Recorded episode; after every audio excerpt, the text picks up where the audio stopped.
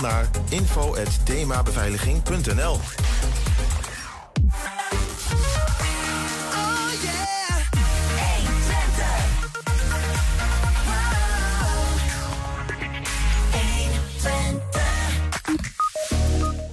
Ook de Marokkaanse gemeenschap in Twente komt in actie na de aardbeving ten zuiden van Marrakesh. En we kijken nog een keer terug op het bijzondere afscheid van FC Twente club-icoon Wout Brama. Harbrink Hoeker Lars Lohuis werd afgelopen zaterdag Nederlands kampioen gravelrijden. En een nieuwe in depot, of nou niet nieuw, maar nog nooit eerder vertoond. Met vandaag aandacht voor Job Dixon en Mary Whittaker.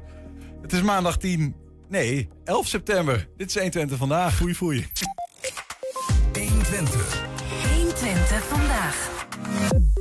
Ja, Wout Brama heeft vrijdag officieel afscheid genomen van zijn leven als profvoetballer.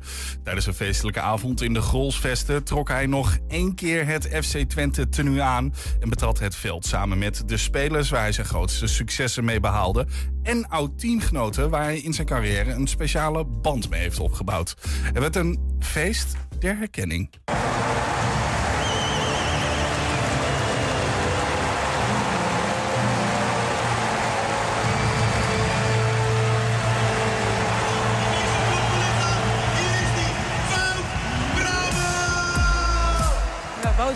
Laatste keer dat tasje uit de auto. Hoe voel jij je vandaag? Nou, ik heb er wel erg veel zin in eigenlijk. Tuurlijk ben je een beetje gespannen, want eh, er komt veel maar af denk ik vandaag. Maar ik heb er vooral heel veel zin in. Leuk om de jongens allemaal te zien, die heb ik lang niet gezien. En een beetje de sfeer van, eh, van 13 jaar geleden terug te krijgen, daar heb ik wel echt zin in. Twee mooie elftallen samengesteld. Eh, wie dicht je de beste kansen toe vanavond? qua fitheid de All-Stars, maar eh, qua kwaliteit eigenlijk een kampioensteam. Dus we zullen zien wie, eh, wat de doorslag gaat geven. Miroslav toch, how is it to be back here at the stadium? Ah, perfect. It uh, got a little bit of emotion, you know. So uh, it's nice. And uh, I see this guy. and, uh, Long time no see, man. how are you? Good to see you. You alright? You're fit, right? Of course. you know, I promise you I'm gonna be fit. How special is this night for you? Oh, very special. One, to, to come back to Holland. Two, to come back to the Grosfest. No one had the, the intelligence and the brain of Frank Brahma. That made him special, that made him unique. And that's why he's lasted so long in the game. Heel speciaal wat hij gedaan heeft voor FC Twente. Eh, schitterende carrière. Ehm, ja, ik ben super trots op hem. Hè, wat hij allemaal heeft bereikt. It's great. Normally when we were too late, we had to pay a fine. So I'm not sure, but good to see you. Can I, can I just take that back? Exactly what I said about him. Yeah, you can. Yeah. He, he was, always, he was always a nightmare. Hoe was hij als speler om hem te trainen? Dat is eh, altijd de uitdaging met Wout. Eh, hij weet ervan. Hij, ehm, hij heeft kennis. Ehm, ja, als trainer moet je altijd scherp zijn als Wout in de buurt is. Alle vier de broers Brama eh, komen in actie vanavond. Hoe is dat voor hen? Want ja, jij bent dit gewend, maar... Ja, ik ben heel benieuwd. Eh, toen ik het ze vertelde van, eh, of vroeg in ieder geval, ik wil jullie een kwartiertje, 20 minuten meedoen. Ja, waren ze heel blij. Maar ik denk ook dat er wel een beetje zenuwen zal zijn. Dus ja, ik hoop dat het publiek ze heel goed ontvangt. En eh, ja, dat ze een beetje voelen van hoe het is om in zo'n stadion te zijn voor eh, ja, 25.000 man. Voor hem is dat heel normaal om voor zoveel man te spelen. Hè? Hoe kijk jij daarnaar uit? Ja, dat is heel bijzonder. Ik heb dat natuurlijk nooit gedaan. Dus ja, voor het eerst in zo'n groot stadion. Ik heb één keer in de Kuip mogen voetballen met, eh, met wat vrienden. Maar dit is natuurlijk helemaal bijzonder omdat het om je broer draait. Dus Ja. eh, ja, dat is hartstikke mooi. It's a very important moment to be to be here in this uh, special match for for Wout. His job for the team was amazing, so I have so many memories and so many good memories. So for me, it's very good to be here with him. Hij is met, eh, met eh, Twente gedegradeerd. Hij is weer kampioen geworden. Hij is gebleven. Hij is de club trouw eh, geweest. En, ja, en hij is natuurlijk kampioen geworden. Waar hij ook een hele belangrijke rol op het middenveld speelde. Dus nee, ik denk dat het gewoon ja, heel goed is dat, dat zo'n wedstrijd wordt gespeeld voor Wout Brama. Heeft hij verdiend. En eh, ja, misschien komt er ook nog wel een standbeeld bij. Zitten er nou spelers bij van je denkt, nou dat die nou speciaal is gekomen, vind ik extra mooi. Ja, de jongens van ver, dat vind ik wel bijzonder. Dus Brian Ruiz, Blaise en Koever, die heb ik gisteren natuurlijk al hier gezien. Ja, dat doet me wel veel. En er zijn, er zijn jongens die veel voor de club hebben betekend. Dat is ook voor de fans super mooi. Maar ik vind het zelf ook echt heel erg leuk dat die komen. Theo heb ik, eh, Jans heb ik er goed eh, contact mee gehad altijd. Ik en Wout waren een twee-eenheid. Zeker op het veld. Daarnaast waren we heel verschillend. Maar dat klikte juist ook wel heel erg goed. Eh, dus ik, ben ook, ja, ik heb nog steeds contact met hem. En dat zegt denk ik genoeg. Ik heb met heel weinig spelers contact. Maar met Wout nog wel. En eh, ja, dat verklaart onze band denk ik. Hoe kijk jij naar zijn carrière? Fantastisch wat hij heeft bereikt. Zeker als je kijkt naar de kwaliteiten die hij had. Dat waren er niet zo heel veel. Dus uh, als je dan uh, op dit niveau kan spelen en uh, dit voor elkaar krijgt, dan is dat super knap. You know, he was the, the kind of glue in the, in the dressing room. He was a good character. He was always happy, positive. even after tough losses, he built us up. So I think he's for, for, for the right a club legend. Het is een nuchtere tukker en ja, ik ken Wout als een, als een hele vriendelijke jongen. En ik denk dat hij gewoon altijd zichzelf is gebleven. Ja, Wout is natuurlijk eigenlijk mijn, uh, mijn maatje wel een beetje geweest met, uh, met Theo hier zo altijd in de gele periode. En we stiepen bij elkaar op de kamer uh, zo'n beetje elke week. Dus daar, hier kon ik niet onderuit. It always was a very nice person, nice player. And it's also a lesson for people, for players. when you commit somewhere, you have always something positive back. Van die Stam kon je de weg nog terugvinden naar de golfsvesten? Nee, ik heb de navigatie aangezet. Uh, ik ben gebeld door Wout, want ze konden mij niet bereiken. Ik had mijn e-mail niet gelezen en ik had geen social media. Hij zegt, je moet komen, we kunnen jou niet bereiken. Iedereen is er, behalve jij. Het is een echte clubjongen. Hij heeft bijna heel zijn carrière bij Twente gespeeld. En uh, dan is het toch mooi als Twente uh, ja, Wout eigenlijk eert om een, om een afscheidswedstrijd te geven. En ik denk dat hij dat ook wel heeft verdiend. Toen ik de uitnodiging kreeg, heb ik hem ook direct bedankt. want ja, ik weet wat voor een happening dit gaat worden natuurlijk. En uh, ja, dus heel vereerd dat hij inderdaad uh, mij, ook, uh, mij ook. Zo, terug uit jullie voetbalpensioen. Want dit is wel een moment waarop dat kan? ja, ik denk het wel. Ja, ik, het voelt grappig om hier weer zo aan te komen lopen. En ook een beetje, ja, ik kom nu heel anders aan. Ik kom net met de trein en met mijn rugzakje. Dat voelt toch wel wat anders dan toen, wat minder officieel. Ik ga zelf eigenlijk niet, als het goed is, in actie komen vandaag. Nee, ik zit op de bank en ik ben voor puur om in te vallen als Peter geblesseerd raakt. Hoe fit ben je? Zit dat risico erin? Ja, ik denk het wel. Dus misschien in een minuut één geef ik alvast even een signaaltje... dat Jeroen kan gaan warm uh, lopen. Nee, ik heb werkelijk wel geen idee. Dus ik ben, voor mezelf is het ook een verrassing vandaag. hoe fit ben je? Ja, ik voel me redelijk fit. Alleen, uh, ja, ik heb de laatste jaren wel gezien... met voetballen kan het zomaar in één keer misgaan. ik zie er misschien wel fit uit, maar ik ben niet meer zo fit. Ik heb toch een paar jaar niet gevoetbald, dus het wordt lastig vandaag. Hoeveel minuten hoop je te kunnen maken? Ja, ik ga tegen Wout zeggen dat ik maximaal één helft kan spelen. Okay. Ik ben super fit. Ik ben nog gewoon volop aan het trainen. Ben je wat fitter dan sommige anderen die wel gesproken hebben? ik denk het wel. Ik denk het wel. Kijk je daarna uit om weer in dit stadion voor zoveel publiek te spelen? Nee. Oké. Nee, nee, heel eerlijk, want ik ben gewoon uh, totaal niet meer in vorm. Dus uh, het kan alleen maar tegenvallen. Dus ik doe dit voor Wout en niet voor mezelf. Ik hoor je net uh, grappen hier van, nou ga ik zien wat echt voetballen is. Ja. Zitten er wat spelers bij waar jij als kleine flappie tegenaan keek? Ja, Theo Jansen stond er net, hè. Ja, die, die kon wel voetballen, dus ik ben benieuwd of hij nog een beetje kan ballen. Ja. What do you look most forward to tonight? Uh, to see him score. I think even when he is not a striker, uh, it's uh, something we, we, will, we will try to do or to help him to do.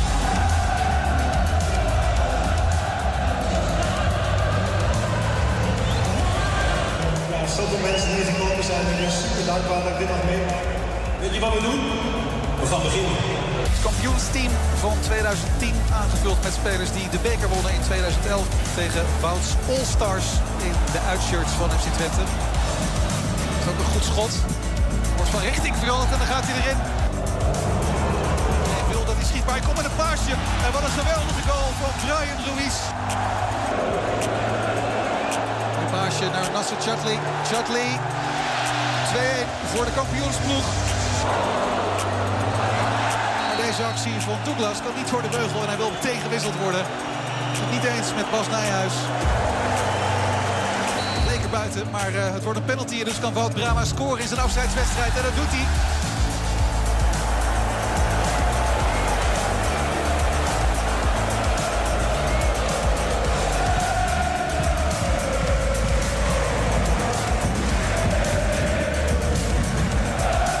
Tot in de tijd echt een geweldige avond. Ik ga het echt nooit vergeten. Ik ben echt overdonderd. Ik ga denk ik rustig een keer allemaal terugkijken. Gelukkig is het allemaal opgenomen.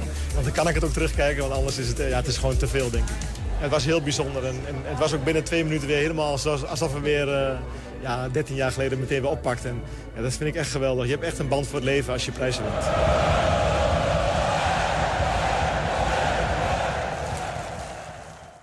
Ja, was uh, de fenomenale avond waarin iedereen eigenlijk nog een keer ja, Wout Brama uh, in, uh, in het zonnetje zette in de Golsvesten. 120. 120 vandaag. Vorig jaar greep hij er net naast. Maar afgelopen weekend mocht hij zich dan eindelijk de allerbeste van Nederland noemen. Lars Lohuis uit Harbrinkhoek, 22 jaar.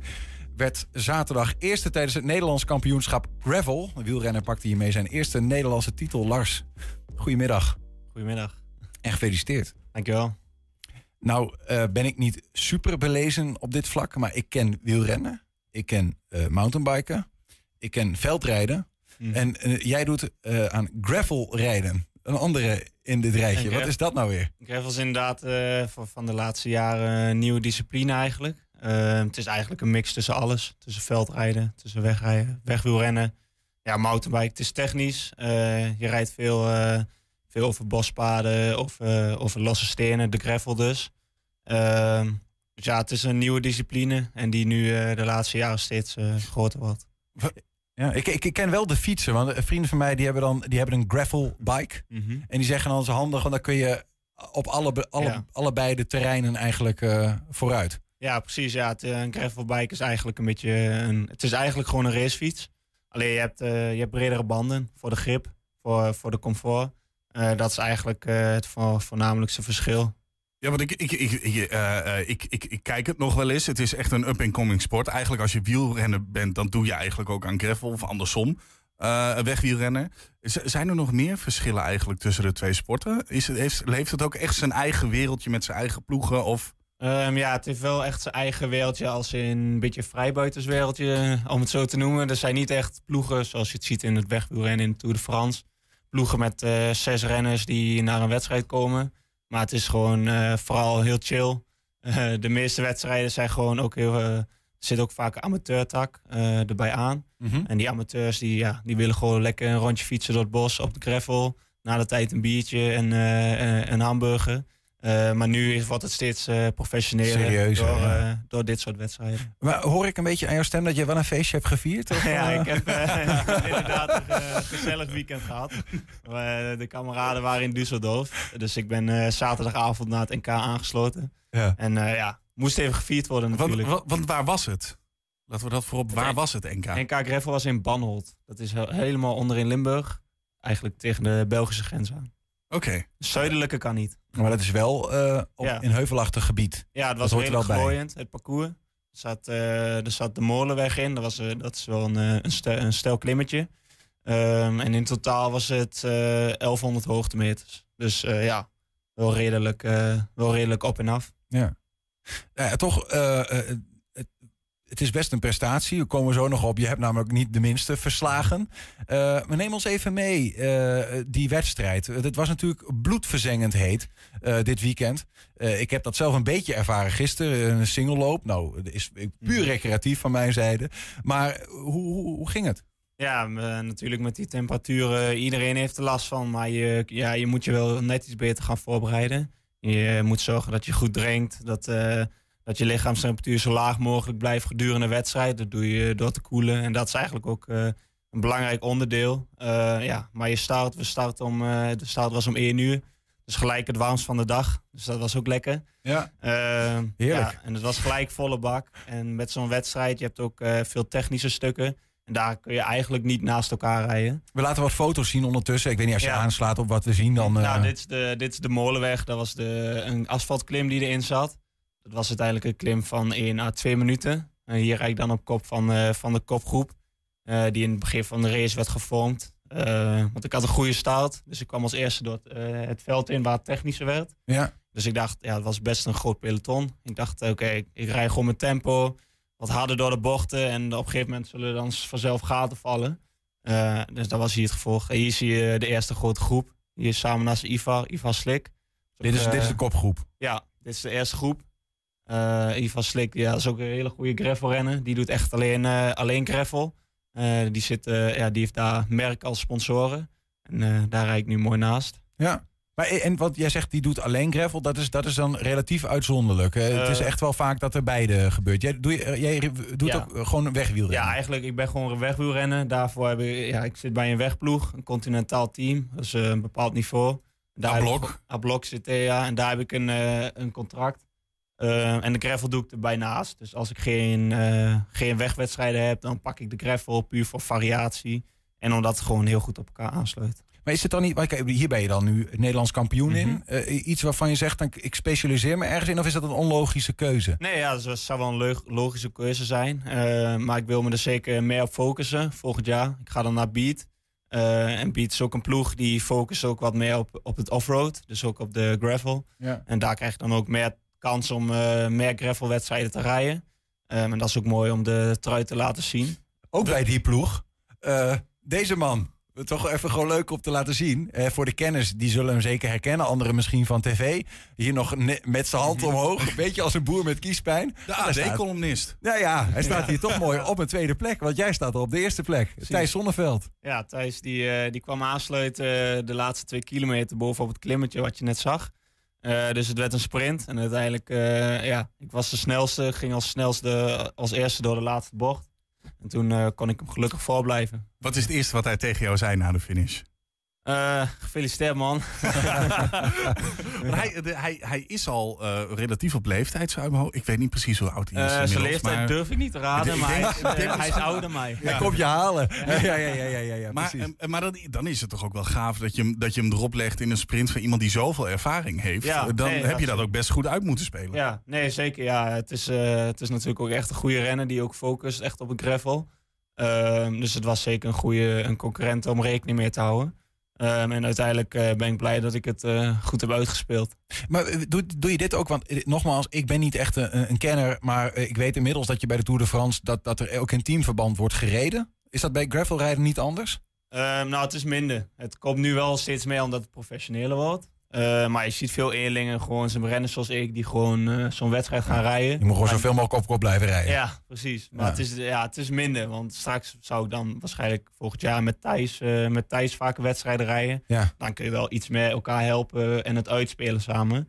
Dus dat zul je steeds meer krijgen. Dat, eh, dat je meer renners van één team in zo'n wedstrijd gaat zien. En, en eh, media-aandacht? Ik bedoel, je zit hier nu, maar we zien ook een foto even. Je wordt eh, ondervraagd door, eh, weet ik veel, welke, welke pers of... Ja, dat weet ik eigenlijk ook nog niet. Ik denk van de organisatie of Limburg 1 of iets dergelijks inderdaad. Maar dat, dat, dat is ook wel apart dan, toch? Dat je in één keer in zo'n zo'n circus raakt, zeg maar. Waarin je... Ja, ja het, met name omdat het de laatste jaren zo, zo is gegroeid, is de aandacht ook echt toegenomen. Dus dat, dat ben ik nu aan het ondervinden inderdaad. En dat maakt het ook wel, eh, wel extra speciaal. Dat er zoveel aandacht eh, nog aan wordt besteed.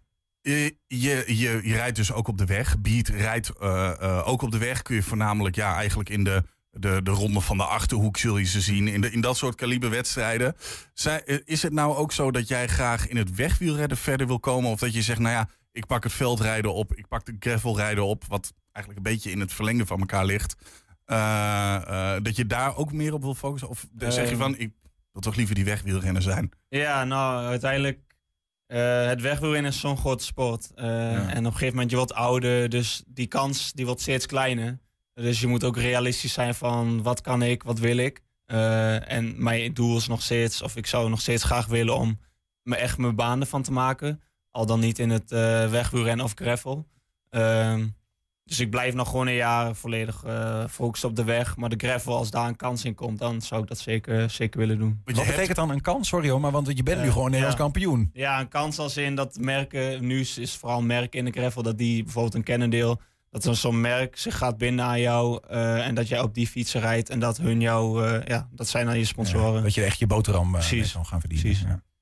Je hebt hier in Twente de laatste jaren weer wat meer. eh, eh, ook wegwielrenners die het halen. Eh, ook in de top van, van het wielrennen. Je hebt Rick Pluimers, die voor eh, de ploeg van Fabian Cancellara in Zwitserland rijdt. Eh, Spreek jij die jongens ook? Vraag je die ook om tips? Of, Ja, ja, Rick is een goede vriend van mij. Dus die, En, dus- Lars Boven Lars heb je- Boven is ook een goede vriend van mij. Dus die, ja, die spreek ik veel. Ehm, maar goed, ja, die, het is niet dat hun, hun iets voor jou kunnen betekenen als in, joh, kom naar onze ploeg.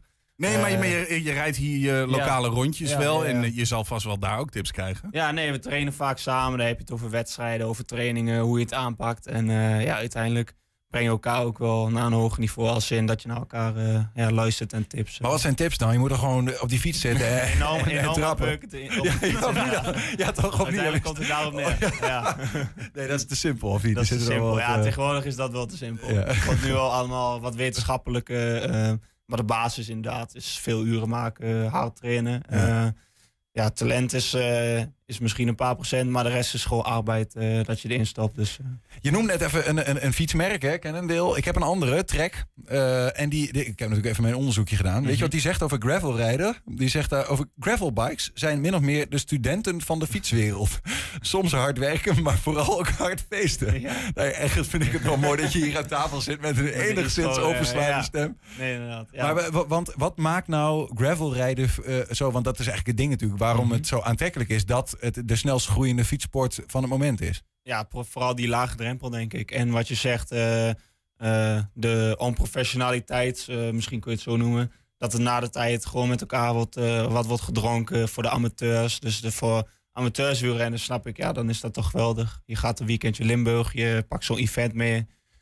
of een toertocht waar dan zo'n wedstrijd aan verbonden is. En na de tijd slaap je in een tent of, en je, je pakt een biertje en een, eh, en een hamburger. Ik denk dat dat gewoon... Het heeft iets wilds. Ja, precies. Iets wilds, iets... eh, eh, ja, dat vooral. Ja, studenticoos, zo zegt Trek het althans. Hè? Ja, nou ja, goed, dat bedenk ik zelf niet. Maar dat, Nee. eh, nee, ik snap het een beetje, ja. ja.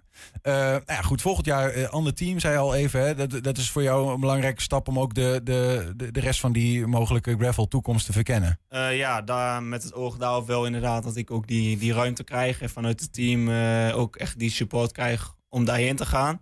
Maar het was ook vooral, ik heb nu vijf jaar, vijf seizoenen voor Ablok gereden. En daarbij, ja, het voelde is natuurlijk gewoon een familie geworden in die tijd. Eh, maar soms is het ook goed om, eh, om een nieuwe stap met, verse, ja, met een verse blik op, op jezelf, op, op de wedstrijden. En eh, dat, eh, ik denk dat ik gewoon die prikkel ook nodig had. Je, bent nu, als, als het goed is, 21, 22, 22 dan. Eh, en eh, je gaat nu naar een nieuwe ploeg toe. Maar je kan niet overal je gravel shirt, want ik weet, niet- ik weet niet of we hem al hebben laten zien. Dit is in ieder geval jouw Nederlandse tenue. Ja, dit is inderdaad de trui zoals je hem krijgt, eh, krijgt, eh, krijgt uit- uitgereikt. Eh, natuurlijk moet hij nog Ja. van de ploeg komen. Met sponsoren, belangrijke sponsoren erop. Maar ja, die kun je in de gravelwedstrijden zou je die kunnen laten zien. Want hoe vaak denk jij dit te kunnen laten zien? Want ik weet, ik weet niet precies hoeveel gravelwedstrijden er zijn. Nou, tegenwoordig heb je de UCI-series. En dat zijn of, of heel ja, Europa, de wereld eigenlijk. Zijn het volgens mij dit jaar waren het al meer dan 10 UCI-wedstrijden. Dus dat zijn echt grote koersen. Dus ja, ergens in die range, eh zoveel wedstrijden zou je willen rijden. Maar je hebt ook in Nederland eh, kleinere, kleinere wedstrijden. Die zou je ook gewoon mee kunnen pakken. De vraag is al eh, op meerdere momenten, maar dan in andere jasje gesteld. Maar ik wil er toch ook een beetje mee afsluiten. En dat is gewoon de vraag van, van wat, wat, heb je een soort van heb je een ambitie op het gebied van het gravel? En, en wat hoop je dan ooit te bereiken? Ja, op gravel zou ik, ja, wat ik dan zou willen bereiken is een, is een team om je heen met sponsoren. Dat je daar ook echt je boterham mee kan verdienen. Dat zou mooi zijn. Eh, dat, kan ook, eh, dat kan ook nu in de, gravel, in de gravelwereld. En je komt overal op de wereld. Je ziet, eh, je ziet hele mooie plekken. Je rijdt echt de mooiste wedstrijden die ja, door de natuurgebieden gaan. Dit is het NK. Mhm. wa- Wat is de volgende stap in dat opzicht? Ik ga nog het EK rijden. Dat is 1 oktober in België. Het WK is zeer waarschijnlijk niet. Dus dat zijn ook, ja, het EK is ook een mooie, een mooie kans om, eh, om jezelf te laten zien. We gaan je volgen. Lars Lohuis, dankjewel dat je hier was. En eh, succes met de Ja, gravel. Jullie bedankt. Ja, ineens verschenen ze in het Enschedeze straatbeeld een maand of drie geleden met spuitbussen en schabloon eh, aangebrachte portretten van Pieter Omzicht. Ernst ging op zoek naar wie dat was en zometeen zie je die reportage. En zijn als podcast te vinden via alle bekende platforms. 120. 120 vandaag. Ja, ineens verschenen ze dus in Enschede. Oh. We gaan naar een andere video, namelijk die van Lonneker. Dubbelfeest is het daar namelijk. Gisteren bij eh, de Lonneke Molen.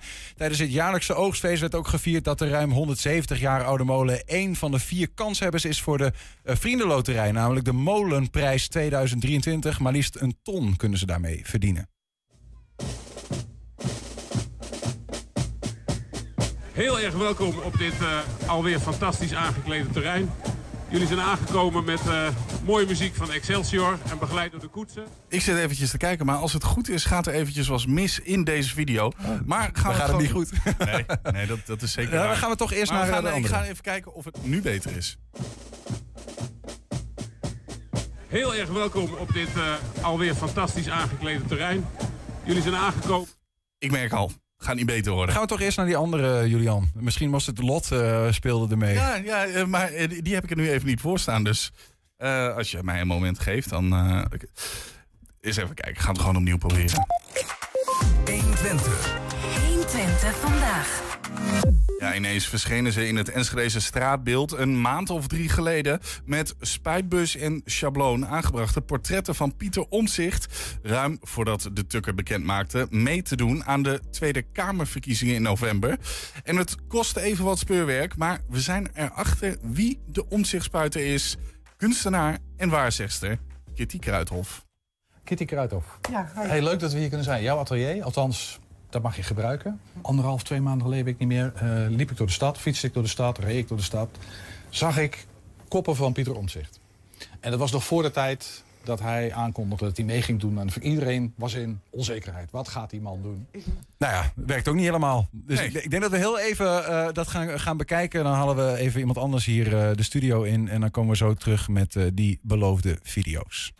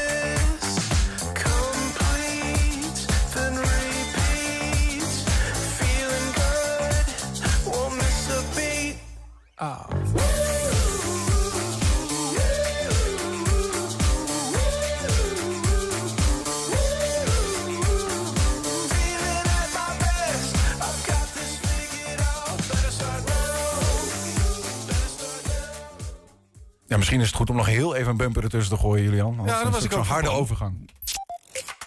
120. 120 vandaag.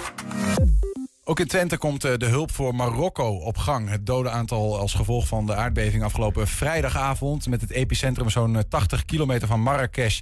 is inmiddels opgelopen tot zo'n 2500. Huizen zijn ingestort, monumentale gebouwen verwoest.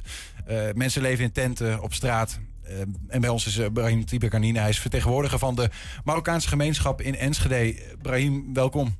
Ja, dankjewel. Hoe gaat het? Ja, eh, naar uh, allerlei van de gebeurtenissen wat in Marokko gebeurd is. Ja, het, het kan beter. Het kan beter. Ja. Het is, uh, het is schrikken. Wanneer, wanneer hoorde jij uh, dat dit was gebeurd? Um, ik hoorde eigenlijk die, wat er die nacht gebeurd was, die avond. Dat op gang kwam. En later kregen we inderdaad een telefoontje van iemand. Ik kon zelf ook, heb niet, sociale media heb ik ook niet eigenlijk gezeten, want ik had mijn telefoon uitgezet. Ja, een paar uur later uh, hoorde ik inderdaad, uh, kreeg ik die berichten en uh, belde iemand. En die zei, ja, kijk eens op televisie, kijk op televisie. Natuurlijk op speciale zender, weet je, Marokkaanse zenders. En op een gegeven moment, ja, zagen we wel iets, weet je, gebeuren. Maar niet exact wat er aan de hand is. Wat, wat gaande is in Marokko destijds. En later werd het inderdaad, ja, dat was een aardbeving, ja. Ja. Goede aardbeving. En relatief uniek voor dat gebied. Ja.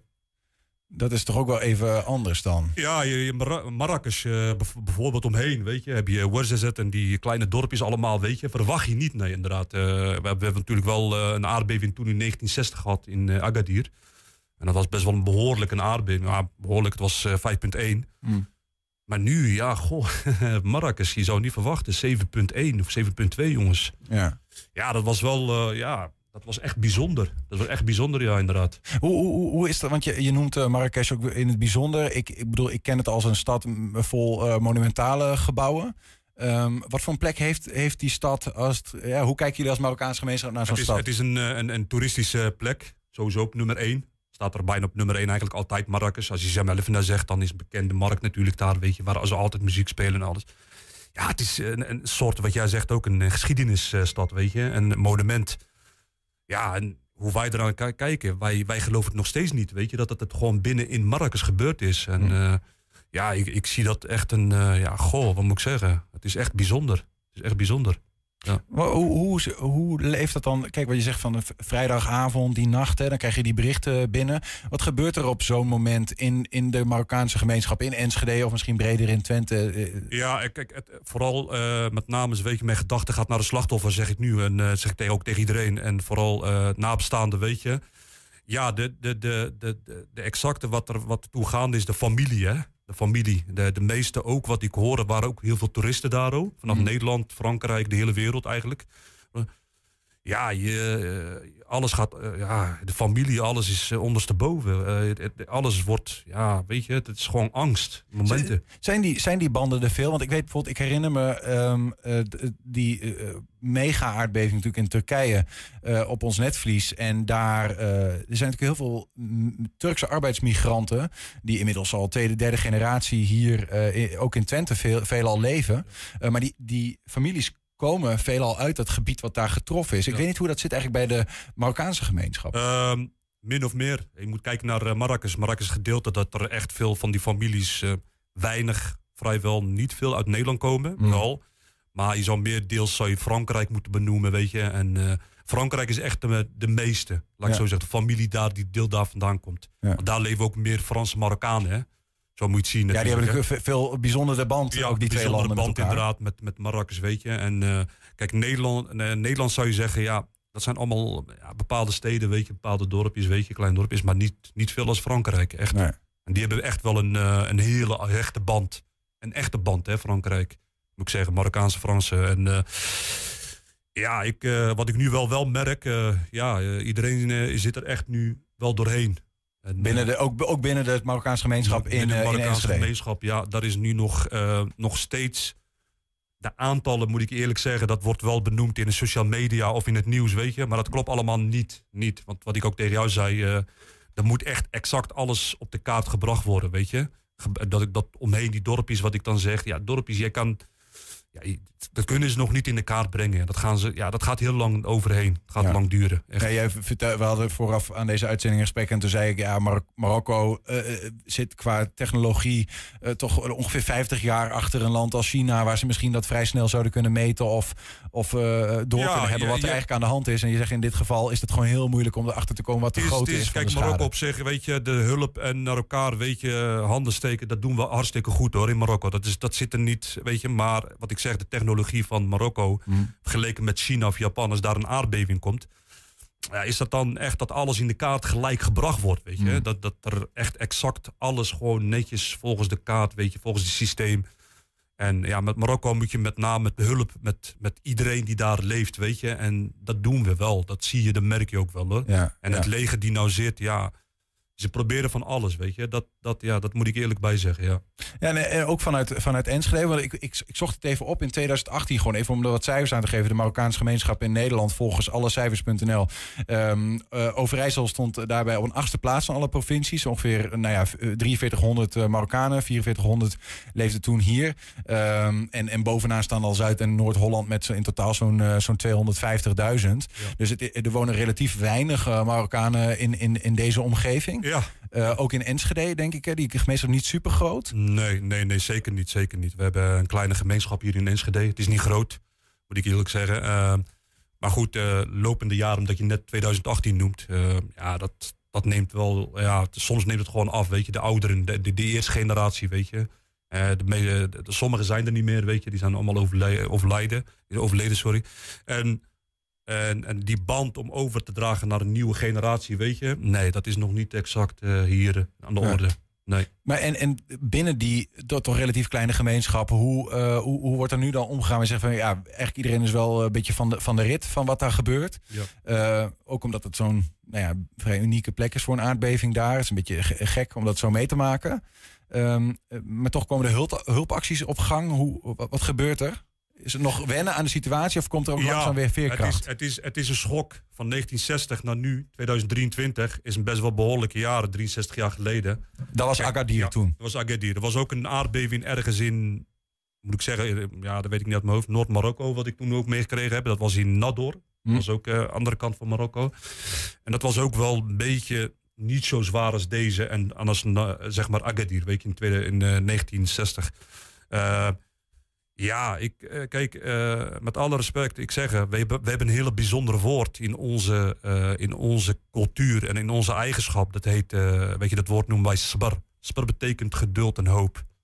En kijk, en alle mensen, met alle respect, en alle mensen zo denken, die, die slachtoffer, vooral met name slachtoffer en nabestaanden. Je hoort, eh, ja, ongelooflijk, maar je hoort die woord echt veel vaak voorbij komen. Weet je, gewoon sbar, sbar, dat is het.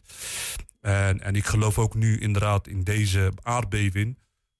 Ja, kijk, het is, wat ik tegen je ook zei, het is, weet je, het is, het is moeder natuur, weet je. Je weet nooit wat er gaat gebeuren en wat gaat komen. Eh, kijk, wij weten ook niet wat in Nederland straks gaat komen, weet je. Zijn wij daar goed voor bereid? De vraag is, zijn wij daarvoor goed bere- voorbereid? Ja, ik zeg altijd, als we naar elkaar handen steken, weet je, en elkaar helpen, Mm. dan komen we heel ver mee, echt waar. Alleen ja, ik zeg, op gang komen in Marokko, nu op dit moment, en dat heb ik ook net meegedeeld met Ernst. Eh, ja, de regering doet nog, nu nog wel een beetje moeilijk hoor. Om juist om de, eh, de hulpgoederen vanuit het buitenland, vanuit Europa naar Marokko. Ik weet wel dat ze nu Spanje hebben toegelaten. En die is gelukkig nu bezig. Eh, die hebben met name alle mankracht daar naartoe gestuurd. Weet je, reddings, noem maar op, van alles en nog wat. En hulp, hulpgoederen die ze kunnen maar gebruiken in Marokko hebben ze ook gestuurd. En ik moet me ook namelijk ook eh, zeggen, eh, in Marokko nu zijn andere steden ook nu heel druk mee bezig om die hulpgoederen die kant naar Marrakesh te krijgen. Mm. Ja. Ja.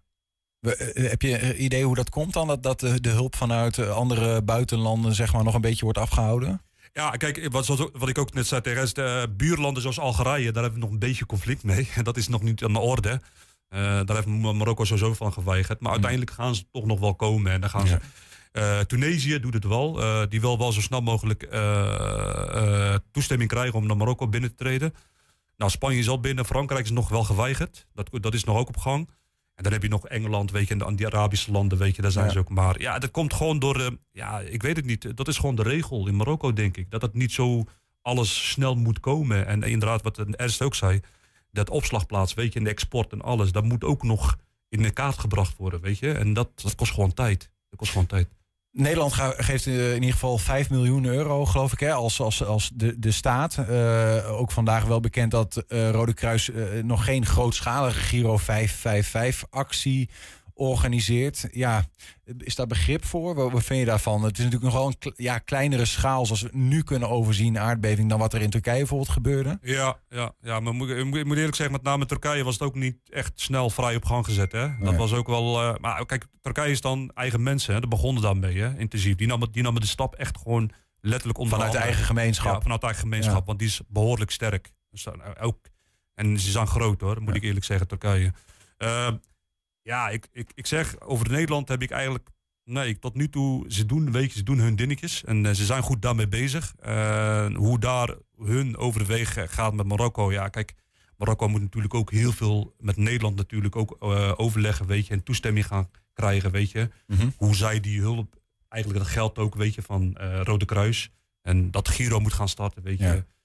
We moeten daar gewoon nog... Nu is het nog een beetje prij, weet je, zeg ik altijd. Het is nog een beetje vers. Gewoon eh, als we kijken naar de wat dichter bij huis, hè, eh, de, de acties van de, van de mensen zelf. Ja. Eh, binnen Enschede komen die ook op gang. Wat, wat gebeurt er allemaal in, in, aan acties? Ja, in actie, wat ik nou zeg, in, in, in, in, Den Bosch was dat, Eindhoven, hebben ze al zes vrachtwagens klaarstaan. Kijk, en de mensen zijn daar echt snel gegaan, hè, met dat inzameling. En hier in Enschede is nog wel op gang, weet je, dat moet nog op komen. Maar hier zijn ze ook wel op twee of drie plekken, volgens mij wat ik zei tegen jou, daar zijn ze bezig om in te zamelen. Alleen, ja, het, het is nog niet echt, eh, nee, het is nog niet helemaal goed op gang eh, Ja, ja. hier in Enschede. Ja. Nee, nee, zeker niet. Dus dat kan, kan nog meer. Hoe kunnen, mensen, hoe kunnen mensen helpen? Ook al als we gewoon eh, geen Marokkaans bloed door onze aderen hebben Ja, lopen. ik zeg, weet je wat, wat ik net zei, hè? samen elkaar, weet je, gewoon handen steken, weet je, elkaar gewoon. Hoe was het woord ook alweer? Wat zeg je? Hoe was het woord? Sebed? Sbar. Sebar. Ja, Sbar, ja, inderdaad. Geduld en hoop. Ja. Ja. dat hebben we nu hoor, echt waar. En ik moet eerlijk zeggen, ja, naar alle mensen met alle respect, als je kan helpen, doe dat, weet je. Doneer wat, wat, je, kan, wat je kunt. Het maakt niet uit wat, maar we horen gewoon elkaar, weet je, te helpen. En in deze wereld, als wij het willen redden, moeten we echt samen gaan werken. Ja. Anders kom je niet. Dank. Inmiddels eh, in ieder geval de drie, zo geloof ik over zo'n drie, vier punten zijn er inzamelpunten hè, voor het kleding. is, nu, het is nu wat ik. Nee, het is nog, nog steeds drie. Maar de vierde punt is nog wel op komst. Ja. gaan we zeker. Dus de moskee is ook niet mee bezig. IVO Moskee in Enschede. Die is ook behoorlijk aan het inzamelen. Maar die doet dan echt gewoon eh, ja, op, op die manier zo snel als mogelijk. Zodat ze, hun hebben ook een eigen tussen, een tussenbemiddelaar die ook nu in Marokko gevestigd is. En ze proberen van alles daar naartoe, weet je, te, te, te organiseren. En ook, eh, zeg maar, communiceren, weet je, naar elkaar toe. En zodoende, ja, moeten we gewoon komen. Moeten we gewoon komen. Ja. Ehm, dank dat je even bij ons wilde zijn. Ja, zeker. En, eh, ik ook. Sabar. Ja, Sbar inderdaad. Ja, mooi woord, hè? Brahim Tibakanide, dankjewel en veel Ja, sterkte. Ja, ook jullie ook bedankt. 120. 120 vandaag. Ja, zoals net al gezegd werd, dubbel feest in Lonneke. Gisteren bij de Lonneke Molen. Tijdens het jaarlijkse oogstfeest werd ook gevierd dat de ruim 170 jaar oude molen een van de vier kanshebbers is voor de Vriendenloterij Molenprijs 2023. Heel erg welkom op dit eh, alweer fantastisch aangeklede terrein. Jullie zijn aangekomen met eh, mooie muziek van Excelsior en begeleid door de koetsen. Eh, het is prachtig dat jullie er allemaal zijn.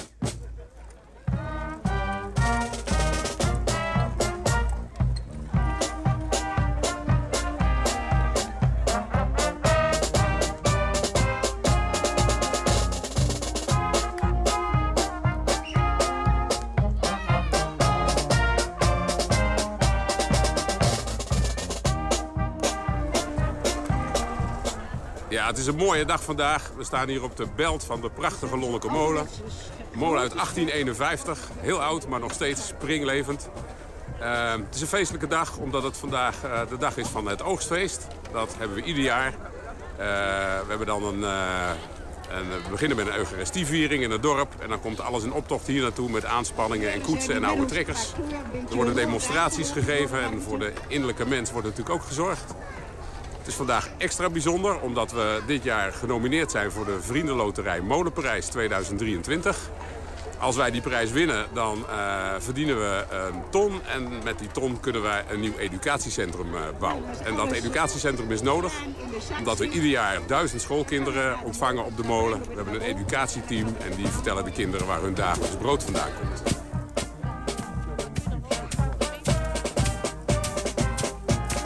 De molen is natuurlijk een werktuig. Hij wordt ook nog steeds gebruikt om eh, graan te malen tot meel. Daar maken wij eh, producten van die we dan weer in de winkel verkopen. Eh, hoe dat gaat, dat kan onze jonge molenaar Remco prima uitleggen. Beetje geholpen hier en daar door misschien door molenaar Frank. Wij zijn een opleidingsmolen, dus we hebben verschillende jonge molenaars in opleiding. We gaan nu even naar binnen om te horen hoe het allemaal gaat.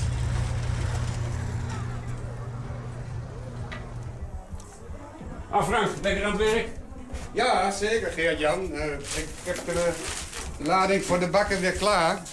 En dan kan het naar beneden en dan kunnen ze lekker brood bakken. We malen in deze molen nog zelf. Deze molen is helemaal maalvaardig. We hebben één steenkoppel die op een elektromotor aangestuurd wordt voor productie. Het meel wat gemalen is, is van ontzettend mooie kwaliteit. En eh, de bakker heeft nooit klachten over ons meel. En we doen dit gewoon natuurlijk om die molen in stand te houden. Die molen is gebouwd in 1851. Het is een ronde stenen koren beltmolen, rietgedekt. Er is er maar één van in Nederland. En dan durf ik bijna te zeggen één ter wereld.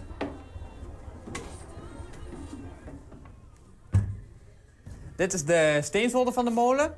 Hier naast mij bevindt zich de steenkraan. Deze kunnen wij gebruiken om de molenstenen op te pakken. Om, om dan weer de, de groeven van de stenen kunnen te scherpen. Hier naast mij bevinden zich twee maalstoelen. Deze maalstoel aan deze kant wordt eh, gebruikt om elektrisch eh, ja, te malen. Dat is helaas eh, in verband met de hoeveelheid bomen we hebben rond deze molen. Want die houden al onze wind tegen. Wanneer er een goed moment is, kunnen we met deze maalstoel kunnen nog gelukkig op de wind malen. En de, nou, de volgorde gaat als volgende. Wanneer de wieken beginnen te draaien van de molen, zou het de bovenwiel aandrijven. Dan zou de steen beginnen te draaien. En dan gooien we als volgende gooien we al het graan hier bovenin. Dan gaat het via de schuddebak naar beneden. De schuddebak eh, krijgt zijn naam door de steenspil. Die heeft een vierkante vorm hier beneden. En wanneer die begint te draaien, zal deze bak beginnen te schudden. En hoe harder die schudt, hoe meer graan er in het midden van het gat naar beneden zal vallen. Doordat de steen heel hard ronddraait, zal het graan ertussen worden gezogen. En hoe verder het graan naar buiten komt, dan zal het ook steeds fijner gemalen worden. Hebben jullie allemaal al gestemd? Het wordt tijd dat jullie je mobiele telefoon uit de zak halen... en dat jullie de stem uitbrengen op de Lonneke Molen.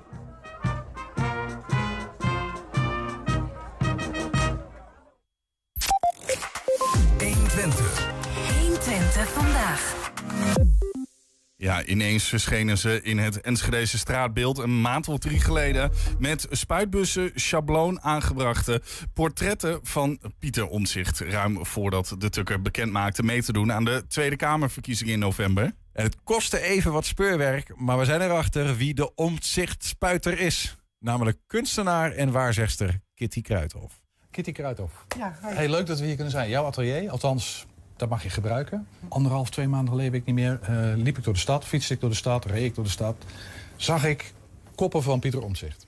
En dat was nog voor de tijd dat hij aankondigde dat hij mee ging doen. En voor iedereen was in onzekerheid. Wat gaat die man doen? En ik dacht, dat is grappig in de stad waar hij woont. Sterker nog, in de straat waar hij woont, zag ik er een. Maar ik had natuurlijk in mijn achterhoofd de vraag, wie, van wie is dit? Ja, Jij bent het. ja, ik heb het gedaan. het is een bekentenis, ik heb het gedaan. Ja, ik, heb het, ik was het. Ik, ja, maar ik, ik wist het, ik voelde het ook. Ik ben ook nou dus waarzegster. En eh, ik voelde gewoon al van, oké, in een perfecte Ja, jij had al gezien, Pieter Omtzigt gaat het Misschien doen. als er één goede worden. koning zou zijn, die het echt, eh, die luistert naar andermans kritiek ook, hè, open staat op verandering. En want je regeert een heel volk of zo. Het is zo'n soort van fantasie-ding waar ik eigenlijk helemaal niet in geloof. Maar toen dacht ik, ja, maar ja, dan zou wel onzicht, die, ja, die, hij zou het van mij wel mogen proberen. En iedereen die ik er toen ook over sprak, Ja, ja, nee, maar dat die was, was- het ook met mij eens. dat was het en mensen die eh, VVD stemmen normaal Ja. gesproken, mensen die D66 stemmen, maar ook anarchisten zoals ik, die helemaal niet stemmen en gewoon proberen te negeren. En ga, je, ga je nu wel stemmen? of? Eh, ik denk het niet. Nee. ik denk als eh, ondanks het feit dat jij, toch een beetje nee, maar de- ondanks het feit dat jij eh, dat Pieter Omtzigt zou meedoen, Mhm. voorzag, Ja, nee, ja, nee, dat is, toch niet. Nee, juist niet. Nee. Oké, juist niet. En tegelijkertijd, ja, dat zeg jij, en tegelijkertijd, je hebt hem zichtbaar gemaakt in de straten En die van. vond ik gewoon heel mooi. Waarom dan? ja, omdat ik gewoon, hij heeft gewoon echt zo'n eh, gezicht. En ik moest ook, eh, vijf- de vijfde poging was pas goed. Dus er waren heel veel missers. Dus een heel moeilijk portret om te schilderen. Dus misschien dat het ook eh, zo'n interessant van, eh, kan ik dat? Een beetje uitdaging. Ja. En, ehm, maar ook omdat ik hem gewoon juist... Want ik ken ook heel veel mensen en die hebben volgens mij ook wel gelijk. Die ook wel zeggen van ja, maar hij stemt ook eh, tegen de energietoeslag. Of, en ja, daar hebben we eigenlijk altijd het aan. maar dit, ja, het gaat mij meer omdat hij uit Enschede komt. En ik wil mensen een beetje een goed gevoel geven. Een beetje laten voelen van het glas is half vol. Kijk, we hebben ook omzicht. En wat je ook van hem vindt. En ik was dan uh, schilder me daar dan buiten. Maar ik wil gewoon een mooi portretje laten Oké, zien. maar ik- ik en zou een zeggen- ode aan hem. Zo, dankjewel Piet. Ja, dat precies, Je doet. ja. Want dat was zo, zoveel ja. moeite. Moet je even de camera zeggen. Even dankjewel, Pieter. dankjewel Pieter. dat je het doet. Hey, maar, Want ik ehm, zou dood moeten zijn. Nou, wow. Toch dacht ik wat anders ook, want eh, ik had eerder portretten gezien, maar al ver daarvoor, dus je bent al wat langer eh, daarmee bezig, van bijvoorbeeld Julian Assange. Ja. eh, met iets van Free Assange, geloof Ja, ik. hashtag Free Assange. En ik dacht, dat is dezelfde beeldtaal, dat is dezelfde maker. Ja. En nu zie ik ineens omzicht in diezelfde beeldtaal. Hebben die met elkaar te maken voor jou of Nou, niet? Nee, eh, gelukkig niet. Want Assange die kan niet echt politiek bedrijven als hij zou willen. Hij kan niet eens zijn eigen website eh, runnen, al heel lang niet. Hij moet zichzelf verstoppen binnen een ambassade. Techneut van hier tot Tokio. En nou maar- is hij, eh, wordt me plat gesproken. Dat ziet eruit als een man vertellen. En ik schaam me dan gewoon. Voor Den Haag, van het rechtssysteem zogenaamd. Dat raakt mij dan gewoon. En dan wil ik eerst, is het eigenlijk beeldend. Dan wil ik gewoon dat gezicht laten zien. Want iedereen kent ook die andere Ik snap jou, maar, maar jij schrijft daaronder Free Assange. Ja, dat is een politieke ja. boodschap, Ja, maar daar ben ik meegestopt. Dus bij omzicht heb ik er niks bij gezet. Maar ik vind het wel fijn dat er een beetje geroerd wordt in de soep, zeg maar. De soep is dan de maatschappij. Maar als er dan een overeenkomst is, dat zou zijn tussen Assange en, en Omtzigt, als ik jou zo hoor, corrigeer maar als het niet goed is, hè? Dan is het dat dat twee mannen zijn die af en toe de boel een beetje flink opschudden. En dat is nodig, zoals jij zegt. En welke kant het dan ook ga- op gaat, maar dat is belangrijk. Ja. Dat zegt ook iets over jou. Volgens mij ben je Ja. ook wel iemand die wel een beetje wil roeren af en toe. En, Ja, eh, ja dat, eh, dat boel wil opschudden. Dus ik ben dan misschien een, eh, een klein lepeltje. maar eigenlijk zijn Maar- het odes aan Ja. de mensen die de boel een beetje wakker schudden. Nee, maar ook het dat schudt dan ook weer wakker. Dus daar een spotlight op zetten. Van kijk eens hoe deze aan het roeren is. En dat dan in mensen hun eh, directe omgeving. Hè? Dus je fietst naar je werk, nou dan kom je dat misschien tegen. Als ik wat moois maak, dan kijken mensen er wel naar. Dus ik ben een beetje aan het shinen. Zo van kijk eens wat, eh, wat die roert. Kijk eens, oh daar roert ook iemand. Ik zeg, kijk hoe die meuk loskomt. En kijk dan, hé, hey, jippie. Je. Kleine dingetjes. Maar heel veel kleine dingetjes. Ja, die maken heel veel verandering. Nou, kijken of die nog eh, een beetje mooi eruit komt. Wel Of hij nog leeft. Hè? Kom maar mee, Pieter. Ja, je moet nog één keer, jongen.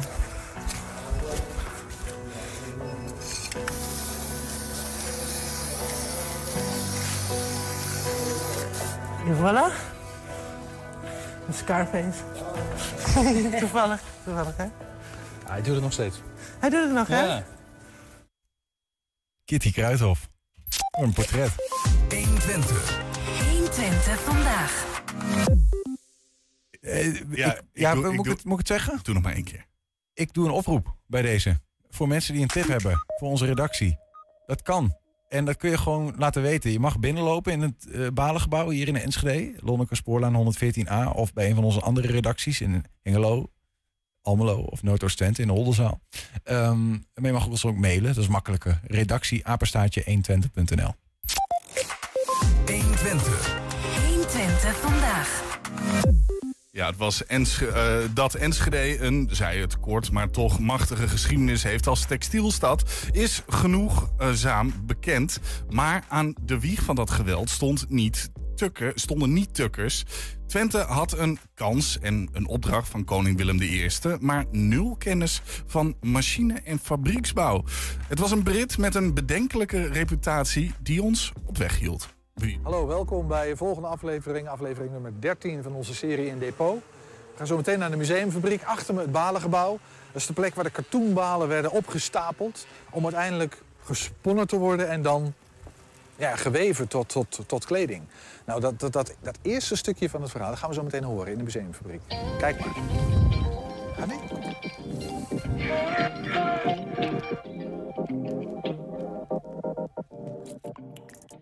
Edwin, we staan hier bij de Twensche Schilderijengalerij. Ja. In de museumfabriek. Ehm, jij hebt ons hier eh, naartoe gesleept. Ja. ja. Verantwoord je maar eens. Ja, ja. Nou, ik wil het even hebben over eh, deze man. Job Dixon. Job Dixon. Ja, ja, ja. hij staat hier. eh, twee schilderijen hebben wij. Job Dixon met zijn vrouw eh, Mary eh, Whittaker. En die hebben een, nou, een bijzondere rol gespeeld... in de ontwikkeling van de textielindustrie in Enschede. Ik zit even te kijken naar een datum van wanneer dateren deze schilderijen. Dan weten we ook over welk tijdsgevricht we spreken.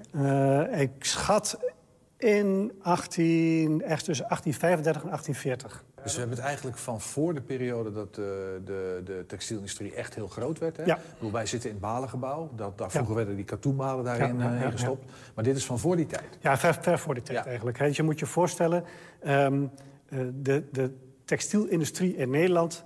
De, de, de, de, de, grote massa zat in België, hè, omgeving Gent en dergelijke.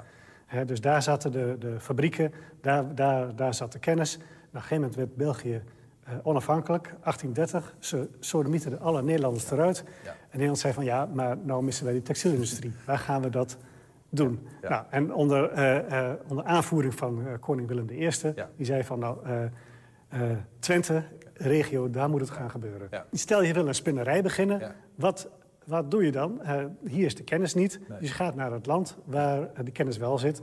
Je gaat een Engelsman zoeken die die kennis heeft om een spinnerij op te zetten. Nou, met wat speurwerk eh, kwam men bij Job Dixon uit. Job Dixon die, had, die was al vertrokken uit Engeland. eh, was eigenlijk een machinebouwer. Dus hij kon spinma- allerlei machines bouwen. Weefmachines, spinmachines.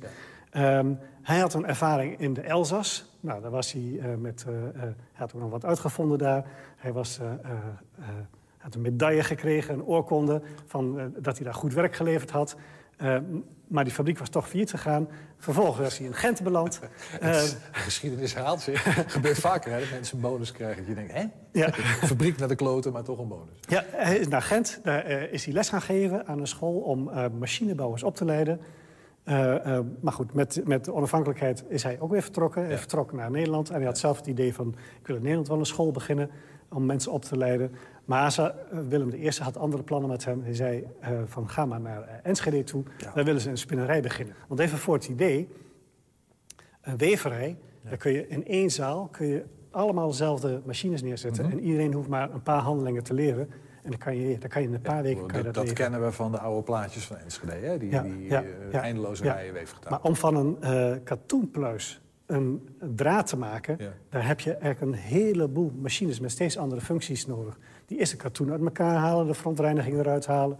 gelijk leggen, draaien, eh, van allerlei dingen. Voordat je pas een draad hebt, heb je een hele zaal vol met verschillende machines. En voor iedere machine heb je een monteur nodig. En dat was zijn opdracht. Dat, was zijn opdracht. Bouw die fabriek. Ja. Bouw, bouw een fabriek. Hij heette De Grote Stoom. Ik heb hier nog een, eh, nog een plaatje meegenomen. Ja, ja. Maar aan de Hengeloze straat stond hij. Grote fabriek, vijf etages hoog. En uiteindelijk is het hem dus gelukt om die eh, fabriek daar te bouwen. Ja. Ondertussen was hij al wel twee of drie keer ontslagen door eh, de textielfabrikanten. Hij is bijvoorbeeld een keer ontslagen omdat hij in vergaderingen... ehm, ja, staat er dan heel netjes staat het dan beschreven... eh, onwelvoegelijke taal gebruikt had en zo. Lopen vloeken door de- een flapdrol, meneer Van Heek. Ja, ja, ja. Nou, uiteindelijk kreeg hij de boel wel aan de praat... nadat hij een paar keer ontslagen was. Ehm, eh, hij had zich ondertussen hier gevestigd met, eh, met zijn gezin. En eh, uiteindelijk had hij twee zoons. En die, kreeg, eh, die gaf hij ook overal posities. En eh, als eh, de, de voorman door, door, die door Van Heek was aangesteld... die werd vervangen door zijn zoon. Dat is allemaal niet heel tactisch. En, ehm, En dat weten we echt allemaal uit de analen, zeg maar. Ik bedoel, dat is gewoon geschiedenis. eh. ja, ja dat er, zijn, zijn, er is iemand die heeft een, eh, een flink artikel... die heeft onderzoek naar hem gedaan. Ja. En uiteindelijk is hij, eh, ja, na heel veel gedoe... is hij eh, eigenlijk ook weer vertrokken, zo 1839...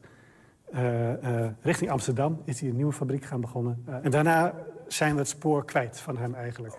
het, het verhaal gaat dat de laatste keer dat hij ontslagen werd... voordat hij naar Amsterdam vertrok... is dat hij wegens financieel wanbeheer... eh, nou ja, hier echt weg moest. Dus nou ja, de verhalen gaan dan van greep in de kas. dus nou ja, dat kaliber. eh, dus, maar goed, hij, hij heeft die fabriek wel eh, hier gebouwd. En eh, daarna is hij ook eh, winstgevend geworden. Dus hij heeft wel goed werk afgeleverd. Maar dat is natuurlijk ook wel ehm, hoe dan hier de textielindustrie eigenlijk is gegaan. Hè? Want het is wel een voorbeeld van hoe dat dan ging. De kennis en de, en, en de machines en de, en, de, en de mensen om die eerste eh, met de machines moesten gaan werken... die werden allemaal uit Engeland gehaald. Om hier het vak... En uiteindelijk is daarmee de, de textielindustrie hier groot geworden. Meneer Dickinson. Ja, Edwin, een mooi verhaal. En eh, echt een stukje ja, recente, toch re- betrekkelijk recente eh, cultuurhistorie van, eh, van Twente. Ja. Ja, en met die cultuurhistorie en geschiedenis van Twente sluiten wij het programma af.